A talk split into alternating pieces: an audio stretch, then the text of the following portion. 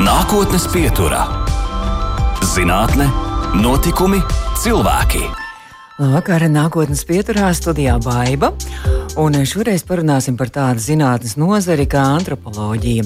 Un savos pirmsākumos antropoloģija nodarbojās ar cilvēku kā sugas izcelšanās izpētu un evolūciju, arī rasu, tautu, nāciju un cilšu veidošanos un antropoloģisko sastāvu.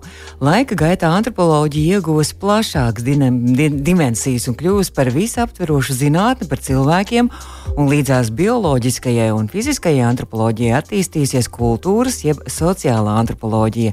Nākotnes pieturas viesis - sociāloģijas zinātņu doktors, Latvijas Universitātes filozofijas un socioloģijas institūta vadošais pētnieks, sociāla antropologs Andris Saulīts savos pētījumos pievērsies ekonomiskajiem procesiem no socioloģijas skatu punkta kā arī migrācijas un imigrācijas jautājumiem, cenšoties noskaidrot, kāda ir Latvijas iedzīvotāja priekšstati un attieksme pret imigrantiem un migrāciju. Nu, tad jāsaka, labdien! Uh, labdien, vai jau labvakar šajā stundā, jā, labvakar klausītāji. Tā ir patiesībā antropoloģija tiešām ir izaugusi no, no tādas šauras zinātnes līdz uh, tādam stāvoklim, ka šobrīd lielākoties visās diskusijās, kuras esmu ielūgts, tur man tiek dots pēdējais vārds ar vārdiem. Un kā tad antropologus mm -hmm. šo skatās?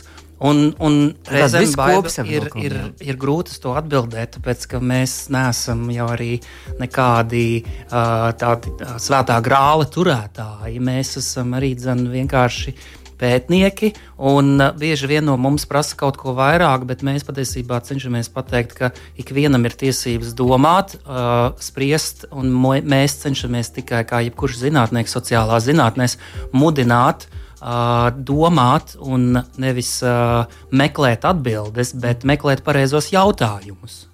Nu, es ceru, ka būs pareizie jautājumi un arī pareizās atbildes, klausītājiem arī mēs palīdzēsim domāt šodien.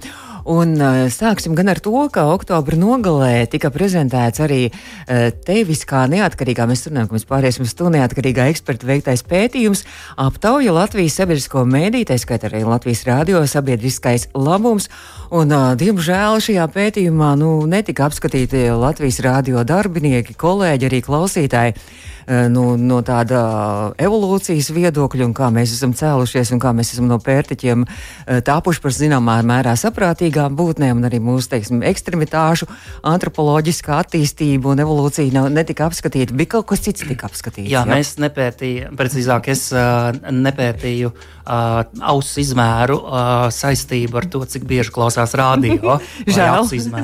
Uh, jā, šajā gadījumā būtībā uh, bija jāveic uh, darbs, lai noskaidrotu, vai tā nodokļu naudiņa, uh, kura tiek dota sabiedriskiem mēdījiem, tā skaitā Latvijas Rādio 2, vai tā sasniedz to mērķi, kāds ir sabiedrisko mēdīju pasūtījumā ierakstīts.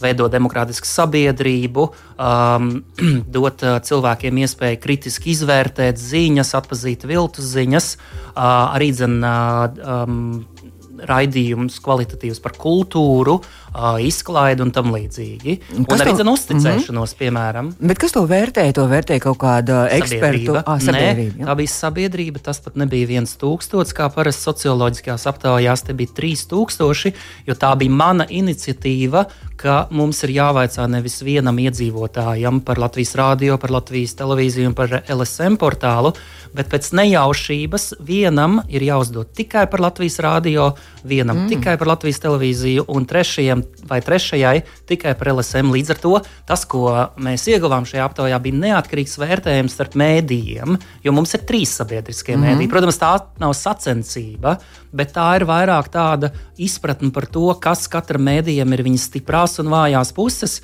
nevis kurš ir labāks vai sliktāks. Jo tajā brīdī, kad tev noliek trīs šos mēdījus priekšā, ah, nu Latvijas televīzijas uztveres varbūt vairāk, radio mazāk, bet šajā gadījumā tu neatkarīgi sa saproti, kāds ir vērtējums tieši konkrētiem mēdījiem. Un tā ir tā lieta, ko es cenšos ieviest Latvijas zinātnē. Tā ir eksperimentālā pieeja, mm. kura balstās tieši tajā, ka tu paņem vairākus cilvēkus. Un nejauši vienam iedot kaut ko, citam citu. Tas nāk no medicīnas patiesībā, kur mēs ļoti labi to zinām. Šobrīd ir vakcīnām, kuras arī šādā veidā tika pārbaudītas ar kontrolu grupu, kuriem, kuriem iedod uh, placebo mm -hmm. un pārējiem viltus vakcīnu. Viltus vakcīnu jā. Un citiem savukārt ir, uh, ir īstā vakcīna. Un cilvēks nemaz nezina, un sociālā zinātnē tas ir līdzīgi. Tā nav antropoloģija. Man mm -hmm. sociālo zinātņu grāts uh, doktorantūrā ir socioloģijā. Un, uh, tā, tā ir tā lieta, ko es cenšos apvienot gan šo sociālo antropoloģiskās zināšanas par to, kādi ir mūsu sociālie mehānismi, kas nāk no evolūcijas, kurus mēs esam attīstījuši miljonus gadu savas izdzīvošanas vēsturē. Un pielikt klāt to, kas ir arī citās zinātnēs. Un šajā gadījumā tā ir šī eksperimentālā pieeja saprast, kā cilvēki domā. Un, ja, piemēram, mēs runājam par migrāciju, Pagaidām, par migrāciju runāsim vēlāk. Parunāsim vēl joprojām par šo radio, sabiedriskā, la, sabiedrisko mēdīju, sabiedriskā labuma pētījumu. Jā. Kā tika atlasīti šie cilvēki? Jo es domāju, Nejauši. ka mūsu klausītāji jā, arī, jā. nu, teiks, man neviens nekad neko neprasa. Jā, šī bija tā lieta. Ir lielākoties Latvijā šādus pētījumus veids ap, apstaigājot Latvijas iedzīvotājus pa mājām. Tās ir tā saucamās intervijas iedzīvotāju dzīves vietās, kur klauvē pie durvīm. Uh, un tad nu, vai ielaiž vai, vai neielaiž? Vai neielaiž mm -hmm. Tas ir tas trūkums, ka šeit vai nu ielaiž vai neielaiž, bet tas tā labā lieta šādām aptaujām ir tāda, ka uh, savukārt uh, tie mēdz būt cilvēki, kuri uh, bieži vien kaut kur neatsaucās, bet ja tev atnāk cilvēks, saka, nu, veltiet man laiku. Mm -hmm tad viņi aptaujā. Un man savukārt šis pētījums piedāvā izmantot internetu paneli, slēgtu. Un slēgts nozīmē, tas ir nevis tā, ka Facebookā es ierakstu, hei, man te ir pētījums. Un, kā mēs zinām, parasti mājā ir šādi paziņojumi, un jānodod pēc divām dienām bakalaura darbs. Aizpildiet, lūdzu, anketu. Šajā gadījumā nē. Tas bija Norstat panelis, Un Norstat ir uh, kompānija, kur veic šādus socioloģiskus pētījumus, lielākoties pa telefonu, arī līdzīgi. Uh, zvanot cilvēks, aicinot izteikties, un tajā brīdī, ja viņi saprot, ka šis cilvēks uh, atbild, domājot līdzi, nevis ātri cenšas tikt vaļā, mm. ka viņam tiešām ir tāda atbildības sajūta atbildēt šiem jautājumiem, tad viņi aicina būt par daļu no šī paneļa, un viņam arī maksā par to. Mazas, protams, simboliskas summas, bet līdz ar to tā, tā priekšrocība ir, ka šeit cilvēks tiešām atbildot šiem jautājumiem, tam jūt atbildības laiku, sajūta. Un, arī, un ir atbildības sajūta, un šie ir cilvēki, kā man teica arī Norstat, uh, viņi lielākoties nav problēma. Viņus pēc tam arī uh, uh kā, rekrutēt aptaujā, jo viņi tiešām vēlas izteikt viedokli. Mm -hmm. Un šajā gadījumā man šķiet, ka tas ir svarīgi arī, dzen, un tas nav trūkums šim pētījumam, jo tie ir cilvēki, kuri vēlas izteikt savu viedokli. Un tas nav arī tāds slēgts panelis, ka tu viņam nevari pievienoties, jo šeit arī ir skaidrs un caurspīdīgs eh, mehānisms, kādā veidā tu tam pievienojies. Nu, tad par tiem secinājumiem nedaudz kā tika izdarīti šie secinājumi arī pētījumi noslēgumā. Ļoti daudz, protams, es eh, iepazīstināju katra uzņēmuma eh, satura atbildīgos cilvēkus, arī dzen, padomi, kas uzrauga visus šīs trīs lielos mēdījus. Tas varētu mūsu klausītājs arī. Jā, tas, manuprāt, svarīgākais, kas bija šogad, ir uh, par uzticēšanos, jo mēs ļoti labi zinām, ka uzticēšanās ir viena no pamatlietām jebkur bankas. Uh, politika un tam līdzīgi. Sabiedriskiem mēdījiem uzticēšanās ir augstāka nekā komercmedijiem. Un, uh, nu, no vienas puses labi, no otras puses slikti. Uh, acīm redzami, ir kaut kāda problēma komercmedijiem. Uh, vēl uh, izteiktāk tas ir tieši internetā, uh, tad, kad es vaicāju tikai par LSM, cik lielā mērā jūs uzticaties un cik lielā mērā jūs uzticaties interneta mēdījiem. Tas nav arī slikti. Tas, tā uzticēšanās ir ļoti saudabīga lieta, jo tu nedrīkst arī pilnīgi akli uzticēties. Arī pat, mm -hmm. ja mhm. tas ir sabiedriskais mēdījis. Tādā gadījumā, bet, bet mēs varam redzēt, ka iespējams pandēmija ir ietekmējusi tieši šo komercmediju uzticēšanos, kas ir parāvusi līdzi ar visām šīm viltus lapām, arī dzen, lielu daļu iespējams ļoti kvalitatīvi strādājošu uh, mēdīju, kuru patiesībā Latvijas mēdīju telpā it sevišķi, es domāju, pandēmija tomēr uzcēla šo, šo spēju. Kas par internetu mēs runājam? Mēs runājam par internetu, jā. Ar mm. radio, protams, un, un radio uh, gadījumā tas, kas ir Latvijas radio priekšrocība, ir daudz plašāka sabiedrības um, uzticēšanās un, un arī dzen, ietekme no tāda viedokļa, ka Latvijas radio kā koncerns lielākai sabiedrības daļai pietrūktu, ja tas pārstātu raidīt. Nu, gal galā mēs esam pieci kanāli. Tieši tā ir tas, ka tie ir pieci kanāli, mm. un šeit nevajadzētu aizmirst domu laukums ceturto radio kas tiešām ir ļoti um, lielu darbu darījis patiesībā, lai šo uh, uzticēšanos un arī dzen, nepieciešamību pēc sabiedriskiem mēdījiem tieši mazākumtautību vidū. Um, nu, Krievalodīgu tieši tā. Tieši tā. Jā. Bet vienalga man, piemēram, bija tā bišķiņ bēdīgi, uh, ka es apskatījos, kā tad. Uh, Izrādās, ka secinājums un dati 39% Latvijas iedzīvotāji uzticas Latvijas rādio, bet nu, vispār televīzijai vēl pa 1% mazāk. tā, tas, tas man likās, ka tas ir mazs tas procents. Kā tas ir? Vai tas ir normāli jā, jā, kontekstā ar kaut kādu Baltijas saku, ir, ir jāsalīd. Nē, mums Baltijas valstīs uzticās mazāk mēdījiem. Uh, sabiedriskajiem. Tieši Latvijā?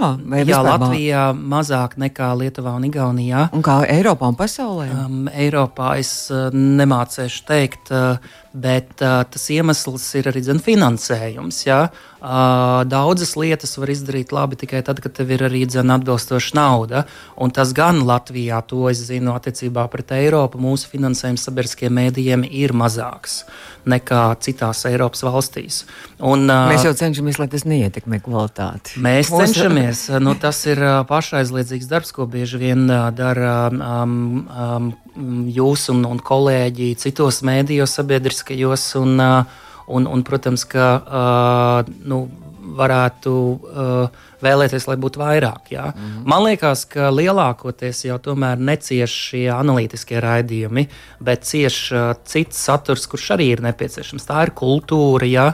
Mums... Un to arī klausītāji aptaujā tie teica arī. Ja? Nu, vai, tas tās nav dziļās intervijas. Ah, aha, to es tīri aha. no, no personīgā aha. viedokļa arī es esmu pats strādājis pirms kāda laika Latvijas televīzijā, un es zinu, ka. Radio arī kā izrādās. Un arī radio vēl pirms daudziem gadiem. Bet eh, nu, es, es, es zinu vienkārši, ka arī dzen, televīzijā ļoti labi saprot to, ka, nu, ja, ja griezīs, tad pēdējā būs, protams, eh, ziņu sadaļa, tāpēc, ka tas ir vissvarīgākais.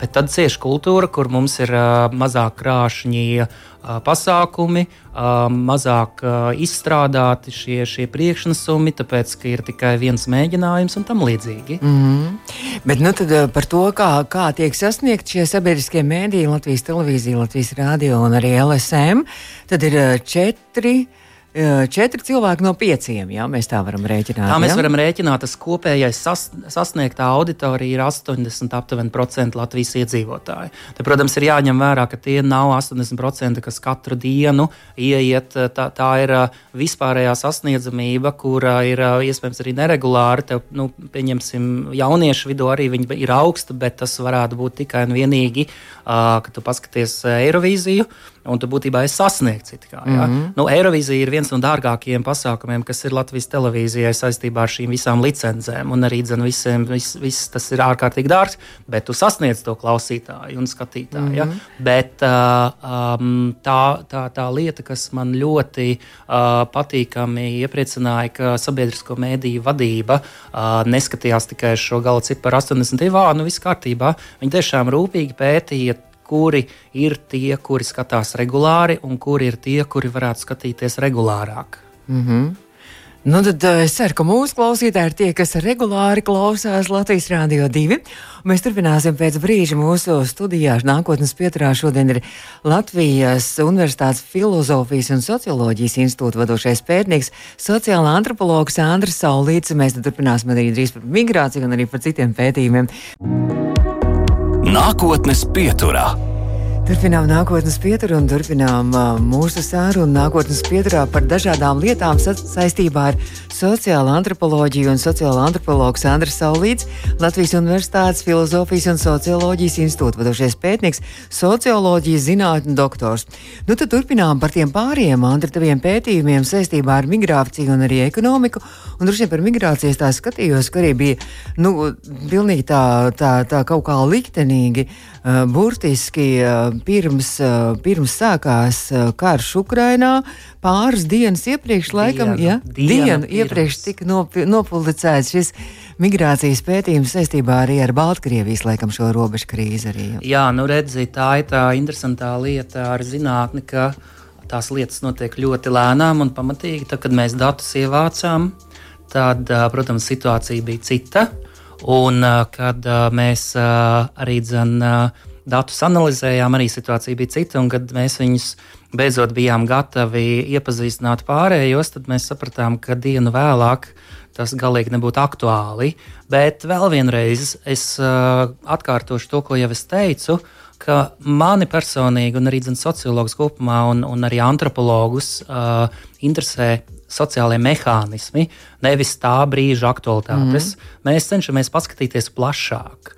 Un, um, Tas pētījums bija daļa no tāda um, ilglaicīgāka mūsu pieejas uh, un skatījuma uz uh, Latvijas iedzīvotāju attieksmi pret vienam pret otru un pret citādajiem.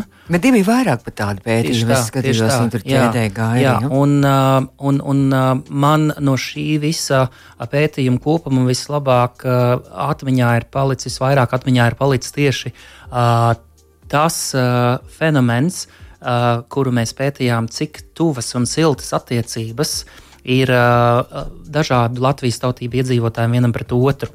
Mēs uh, piedāvājām tādu termometru, kur tu varēji pateikt, cik silti vai vēstu mm. jūties. Un tas interesantākais ir tas, ka latvieši pret krieviem ir vēsāka nekā krievi pret latviešiem. Protams, šis viss ir tāds. Nu, to var atkal spriest, un, un šis ir, redz, redz vai tu sāc uzdot jautājumus. Tas ir arī pareizais solis, kā datus analizēt. Tas ir mans darbs. Jā, bet, bet tas ir arī zinātnieka darbs, kā jau es teicu. Mūsu, mūsu, mūsu uzdevums ir uh, radīt jaunas zināšanas, kuras dod iespēju uzdot jautājumus, nevis rast atbildes. Uh, mums, no mums visu laiku sagaida atbildes, un es vienmēr cenšos izvairīties no atbildēm, bet es uh, cenšos uh, rosināt diskusiju un vairāk saprast nevis, nevis kas ir datos, bet kādi procesi notiek sabiedrībā. Nu, šeit acīm redzami ir kaut kāda nevis mentalitāte, manuprāt, bet arī dzen, tāda kopā dzīvošanas sajūta. Par to, kura ir pamatnācija un kur ir mazākuma tautība, kur arī atspoguļojas attieksmēs. Um, esot saimniekam savā zemē, ir jāuzņemas atbildība. Uh, iespējams, ka mēs to atbildību izprotam varbūt uh, nedaudz ar tādu vēsāku attieksmi pret pārējiem.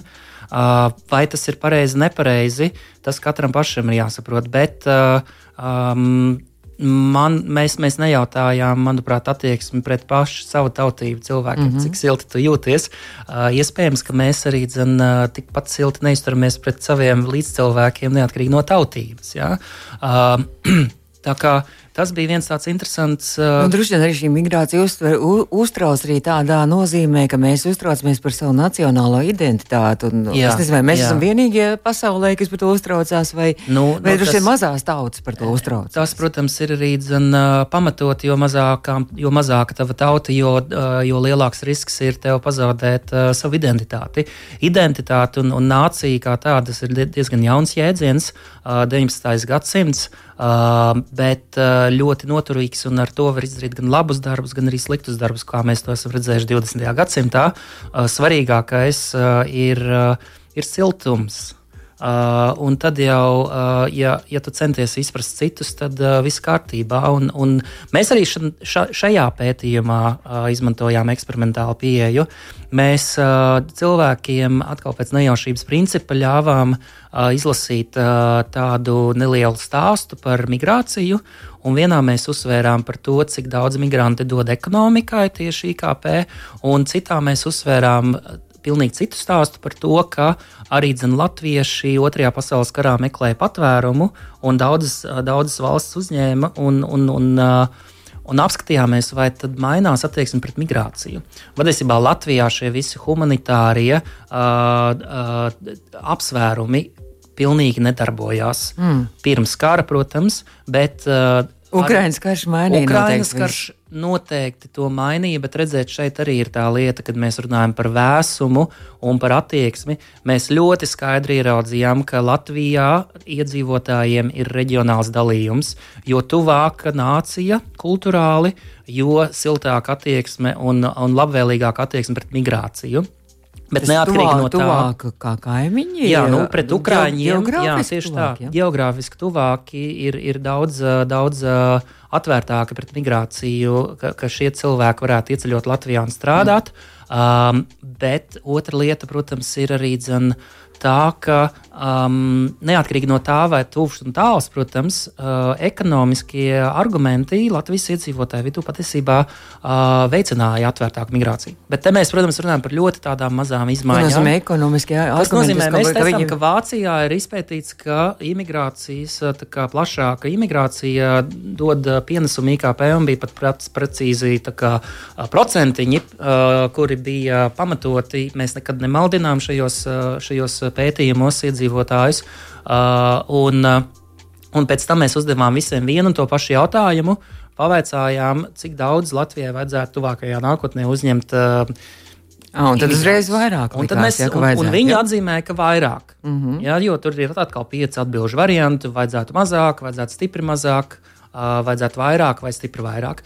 Un pēc šīs ekonomikas uh, viņietas, kā mēs to saucam, uh, šīs atbildes biežāk iedzīvotāji teica, ka vajadzētu vairāk. Tad Nedaudz vairāk, protams, nu, reti, ka tu no tādas pilnīgi nemaz nevajag izlasīt, ka ekonomikai tas dod, tad, oh, tad es tagad esmu ņemam ātri visus un, un, un, un mūsu ekonomika audzēs. Bet es, Es pats redzu, kā tā, tā Ukraina, protams, ir ietekmējusi. Mm. Ja? Es pats šobrīd dzīvoju Salkrastos, ar vilcienu braucu uz Rīgas, redzu arī kondu, konduktori ir uh, Ukraiņi. Un, uh, Un es domāju, sabiedrībā arī mainījusies attieksme. Pirms gada, protams, ja tev cilvēks nevar arī no Ukrainas būt konduktors, uh, uh, tas būtu uzreiz pilnīgi citādāk. Šobrīd tas ir humanitārs iemesls. Mm -hmm. Tas nav ekonomisks iemesls, tāpēc es domāju, humanitārais. Uh, uh, nu, Diemžēl uh, tas nav patīkams notikums, kura dēļ šī situācija ir mainījusies. Uh, bet... bet ne jau pret visiem, nu, pret Ukrāņiem. Jā, jā, jā tieši tā. Arī pret uh, nu, teiksim, tālāk, tālāk dzīvojušiem kaut kur tālākajā austrumā un tādu iebraucēju. Mēs... Ukraina mums ir atvērusi acis apskatīties arī uz citām konflikta zonām citādāk. Redz, es atkal uzdodu jautājumu. Mm.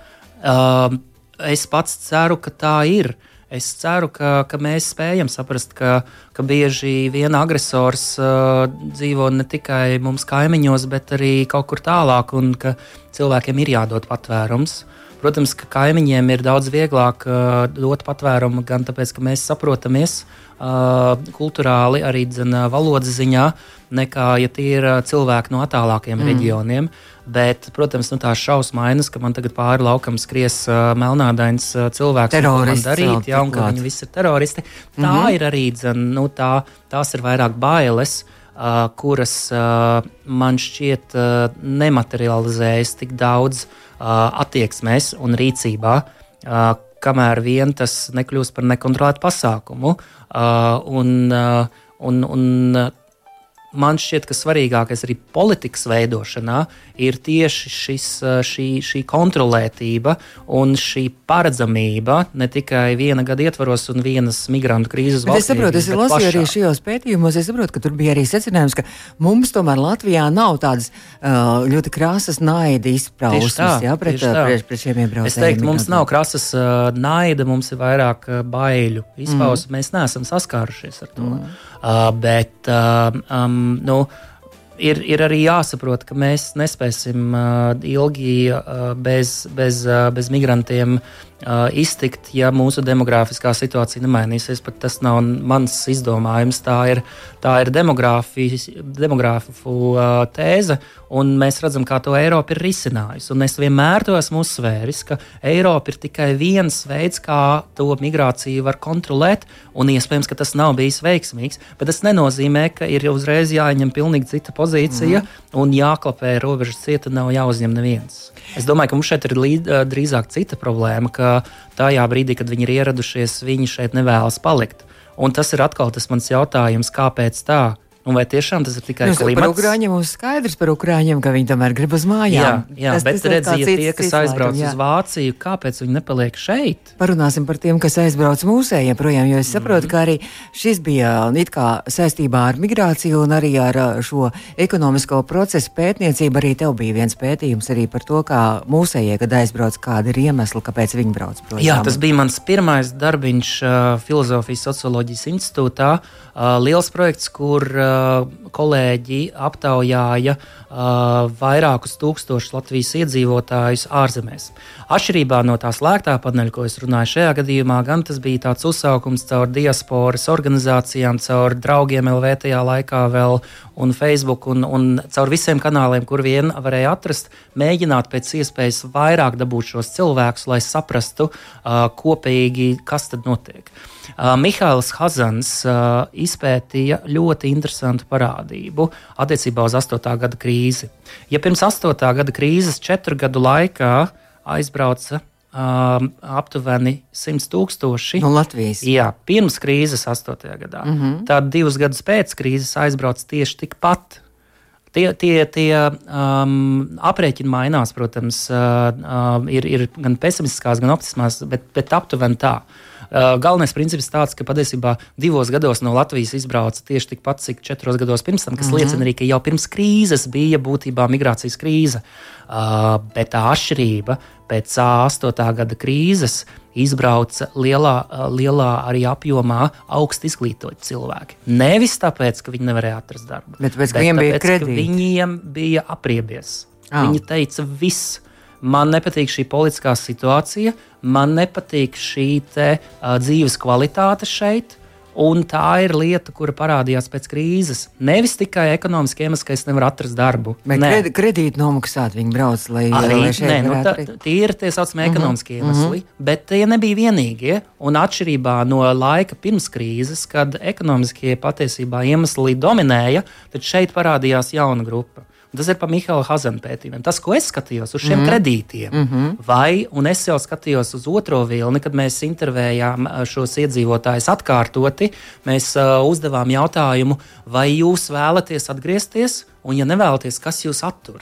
Un interesantā kārtā ir, ka tie iedzīvotāji, kuriem Latvijā ir um, um, hipotek, hipotekārais kredīts, ievērojami biežāk saka, ka viņi nevar atgriezties. Tas ir loģiski, bet mums ir ļoti liela iedzīvotāja daļa joprojām ārzemēs, kuri nespēja atgriezties Latvijā, tāpēc ka viņi maksā hipotekāros kredītus, un iespējams tie ir arī tur vai šeit? Šeit, à, šeit, šeit. šeit. Mm -hmm. Un Uh, nu, mēs zinām, ka tagad, uh, 20. gadā, pieņēma likumu par to, ka bankas var vienpusēji norakstīt šos krīzes laika ņemtos hipotekāros kredītus. Tie bija uh, 600 miljardi eiro vai pat 700. Uh, un tie skāra aptuveni 120 tūkstošus iedzīvotāju. Nē, nē, nē, nē es meloju 12 tūkstoši, nevis 120, mm -hmm. 12 tūkstoši. Ja tu tā skaties, nu, 600 miljoni tie ir nenormāli daudz. Ja? Bet, ja tu sadali šo, šo, šo, šo summu uz, uz galviņām, tie ir aptuveni 50, 60 tūkstoši. Un tas ir tas, kas parasti paliek pāri, tad, kad tev īpašumu, kas tev bijis ieķīlāts, pārdod uh, par to vērtību, kas bija 8. un 9. gadā, kad viss īpašuma tirgus sabruka, un tev viņš joprojām karājas desmit gadus. Un tad man jautājums, ko šī valsts ir darījusi desmit gadus, kas ir tas par maksātnespējas likumu, ja cilvēki nevar desmit gadus nodzēst sev 50 tūkstošus. Bet mēs arī runājam par to, ka, ka īstenībā ir arī daudzi cilvēki, tie, kas valstī nemaksā nodokļus. Arī to tu esi pētījis. Jā, jā, jā, es vienmēr skatu tādu kā nu, monētas divas puses. Jā, jāsteidz. Um, jā, jā, jā, protams, uh, ēna ekonomika ir uh, viens, uh, viens interesants fenomens, jo šeit saskarās atkal morāle ar, ar, ar, ar, ar daudzām lietām. Un šeit atkal mums bija gan pētījums, gan eksperimenti. Un viena interesanta lieta, kas man atkal šajā pētījumā un šajā projektā um, pārsteidz, bija tas, cik daudz iedzīvotāji Latvijā uzskata, ka nodokļu sistēma nav taisnīga. Un, principā uh, uzskata, ka tā, tā, nu, šī valsts, kā, kā, kā tiek apsaimniekota, tas nav taisnīgi.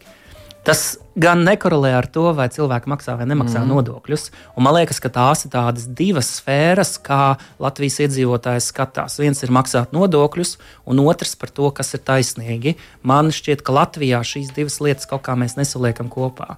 Man personīgi liekas, ka būtu taisnīgi, ja iedzīvotājiem būtu jāmaksā nodoklis par to, ja viņi saņem 40 miljonus kā dāvanu kā tas, piemēram, ir Andrijam Lambergam. Vai ja viņi saņem uh, milzīgu uh, uh, dāvanu no sava tēva, uh, skonto visus uzņēmumus. Nu, labi, tagad to, to tas, bet tas ir mantojuma un dāvinājuma nodoklis, ne, kas bet... ir tādas lietas, kuras mēs pēt, es, es piedāvāju tieši kā risinājumu, bet mantojuma nodoklis ir tāda milzīga uh, bumba Latvijas sabiedrībā. Tiklīdz tu uzsāc šo diskusiju, tā tu saņem pretī ārkārtīgi liels spērienus. Uh, mm. un, uh, Un, un es vienkārši mēģinu atkal domāt nevis par vienu nodokli, bet par to, kā mazināt nevienlīdzību mm. Latvijā. Un tas ir arī jautājums par nekustamā īpašuma nodokli, piemēram. Nu, kāpēc, ceras, ka... kāpēc pērkot mm. īpašumu, tev ir jāsamaksā 5000, bet katru gadu pēc tam tikai 150 eiro? Man liekas, būtu jābūt otrādi. Bet es ceru, ka, ka, ka jaunā, jaunā saima, jaunā valdība, viss ka nu, ņems vērā arī zinātnieku ieteiktos un zinātnieku pētījumus un arī strādās ar to un veidojot nākamos visus pārējos budžetus un likumus un lēmumus un visu, ka, ka, ka vairāk ieklausīsies arī tādi speciālisti un arī zinātnieku viedoklī. Nu, Bet... Mēs veicām aprēķinus, mums bija kā, norādīts, kas tas ir redzējis vai, vai ņems vērā. Jā. Bet mums laiks mežonī skrien uz priekšu. Andris Saulīts, sociāla antropologs, šobrīd ir mūsu studijā. Nākotnes pieturā - zinātne, notikumi, cilvēki. Turpinām nākotnes pieturā redzējums jau tuvos izskaņai, un ko tik te es neuzzinu. Jā, mums karsti gāja, manuprāt, tas jau vienā brīdī gandrīz sāka kliegt, vai ne? Studijā sociāla antropologs Andris Saulītis. Un, Un es uh, uzzinu, pirmkārt, es uzzinu, ka, ka Andris ir mūsu kādreiz radio kolēģis, un uzzinu, ka mūsu radio kādreizējais uh, direktors Uldis Duka ir bijis arī tavs skolotājs. Jā, viņš bija pasniedzējis man universitātē. Es atceros viņu ar ļoti siltām jūtām. Viņš bija brīnišķīgs pasniedzējs. Mēs, mēs trīs patiesībā nesagatavojāmies ar manām tuvākajām draudzenēm eksāmenam, un tad mēs nācām vēlāk tikai, un, un tāpat mēs nesagatavojāmies. Mēs ar špikeriem nācām, un ik pa laikam viens no mums trījiem aizgāja uz toaleti. Un tad, kad bija man aizgājuši divas uh, manas kursabiedrenes, tad viņš prasīja, nu, un kad tu ies uz toaleti?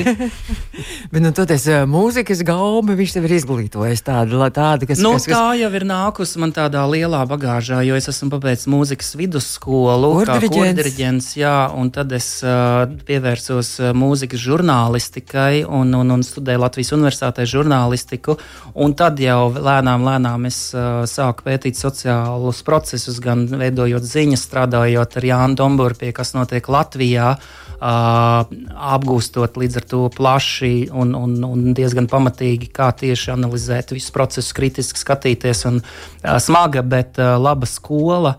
Un, un, un, un tālāk jau uh, vairāk uz zinātnī pielietojot tieši to pašu tehniku, kuru izmanto žurnālisti de facto vai, vai arī intervējot. Un es, man jāsaka, uh, man, man ir prieks par to mēdīju vidi, kas Latvijā ir. Tā nav slikta patiesībā. Vienīgais ir tas, ka par to ir jāmaksā.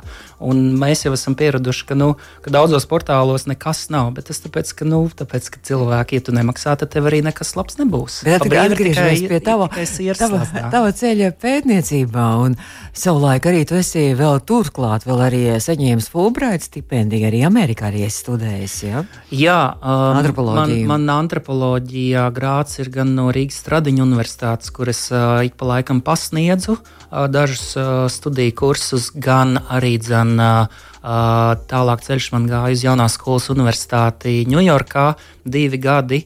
Reibinoši es joprojām skatos ar vismaz reizi gadā seksu un lielpilsētu, tāpēc ka uh, man vairāk uh, Uh, sauc atmiņā visi tie, tā, tie ārskati, kas ir filmēti, kuri ir uh, par, par Ņujorkas ielām, par, par uh, to, to gaisu, kas ir tik karsts, uh, bet uh, nav sasmacis nekad Ņujorkā. Un, un pēc tam socioloģijas grādu es ieguvu Eiropas Universitātes institūtā Florencē, Itālijā, par ko man samaksāja Latvijas iedzīvotāji ar savu nodokļu maksātāju naudu. Stipendiju man maksāja un studiju maksu apmaksāja uh, Izglītības un zinātnes ministrija. Tā kā mm. es nekad nevaru teikt, ka šī valsts man neko nav devusi, un man ir prieks, ka es esmu atgriezies Latvijā, ka es šai valstī varu dot. Uh, es um, ceru, ka dots devējiem atdodas, ka arī tās zināšanas, ko es došu, valsts izmantos, un uh, es uh, tikai atgūšu vēl vairāk. Bet kāpēc bija Itālija? Nu, divos vārdos, kāpēc tieši Florencē tur ir tāda, teiksim, antropoloģijas arī? Nē, à, tur bija socioloģija. Tas bija jautājums, kad es Ņujorkā man bija darba intervija, ne darba tāda studija intervija, tā kā komisija iepazinās ar manu pieteikumu. Tad pirmais, jaut, pirmais jautājums no, no komisijas bija, bet jūs saprotat, ka šeit nu, neviens nav antropologs profesors uz ko es viņam atbildēju, bet es arī saprotu, ka jūs man intervējat. Tā tad kaut kāda uh, interese jums ir par to, ka es varētu to veikt arī socioloģijas nozarē. Mm. Man bija bezmiegs pirmajā pusgadā. Man bija tiešām bezmiegs pirmo reizi dzīvē, kad es nevarēju naktīs gulēt. Es nesapratu, no kā tas ir.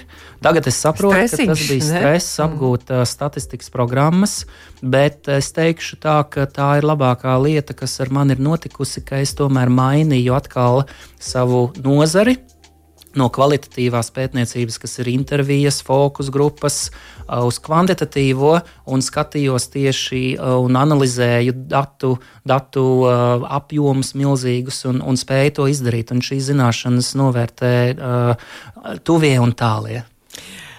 Radio kādreizējais kolēģis precīzi zināja pabeigt arī uz sekundi. Andris Solīts, sociāla antropologs, mūsu studijā Paldies tev, paldies par mūziku, paldies par stāstījumu, interesanto un uh, vairāk uzdosim jautājumus. Izskan nākotnes pieturā.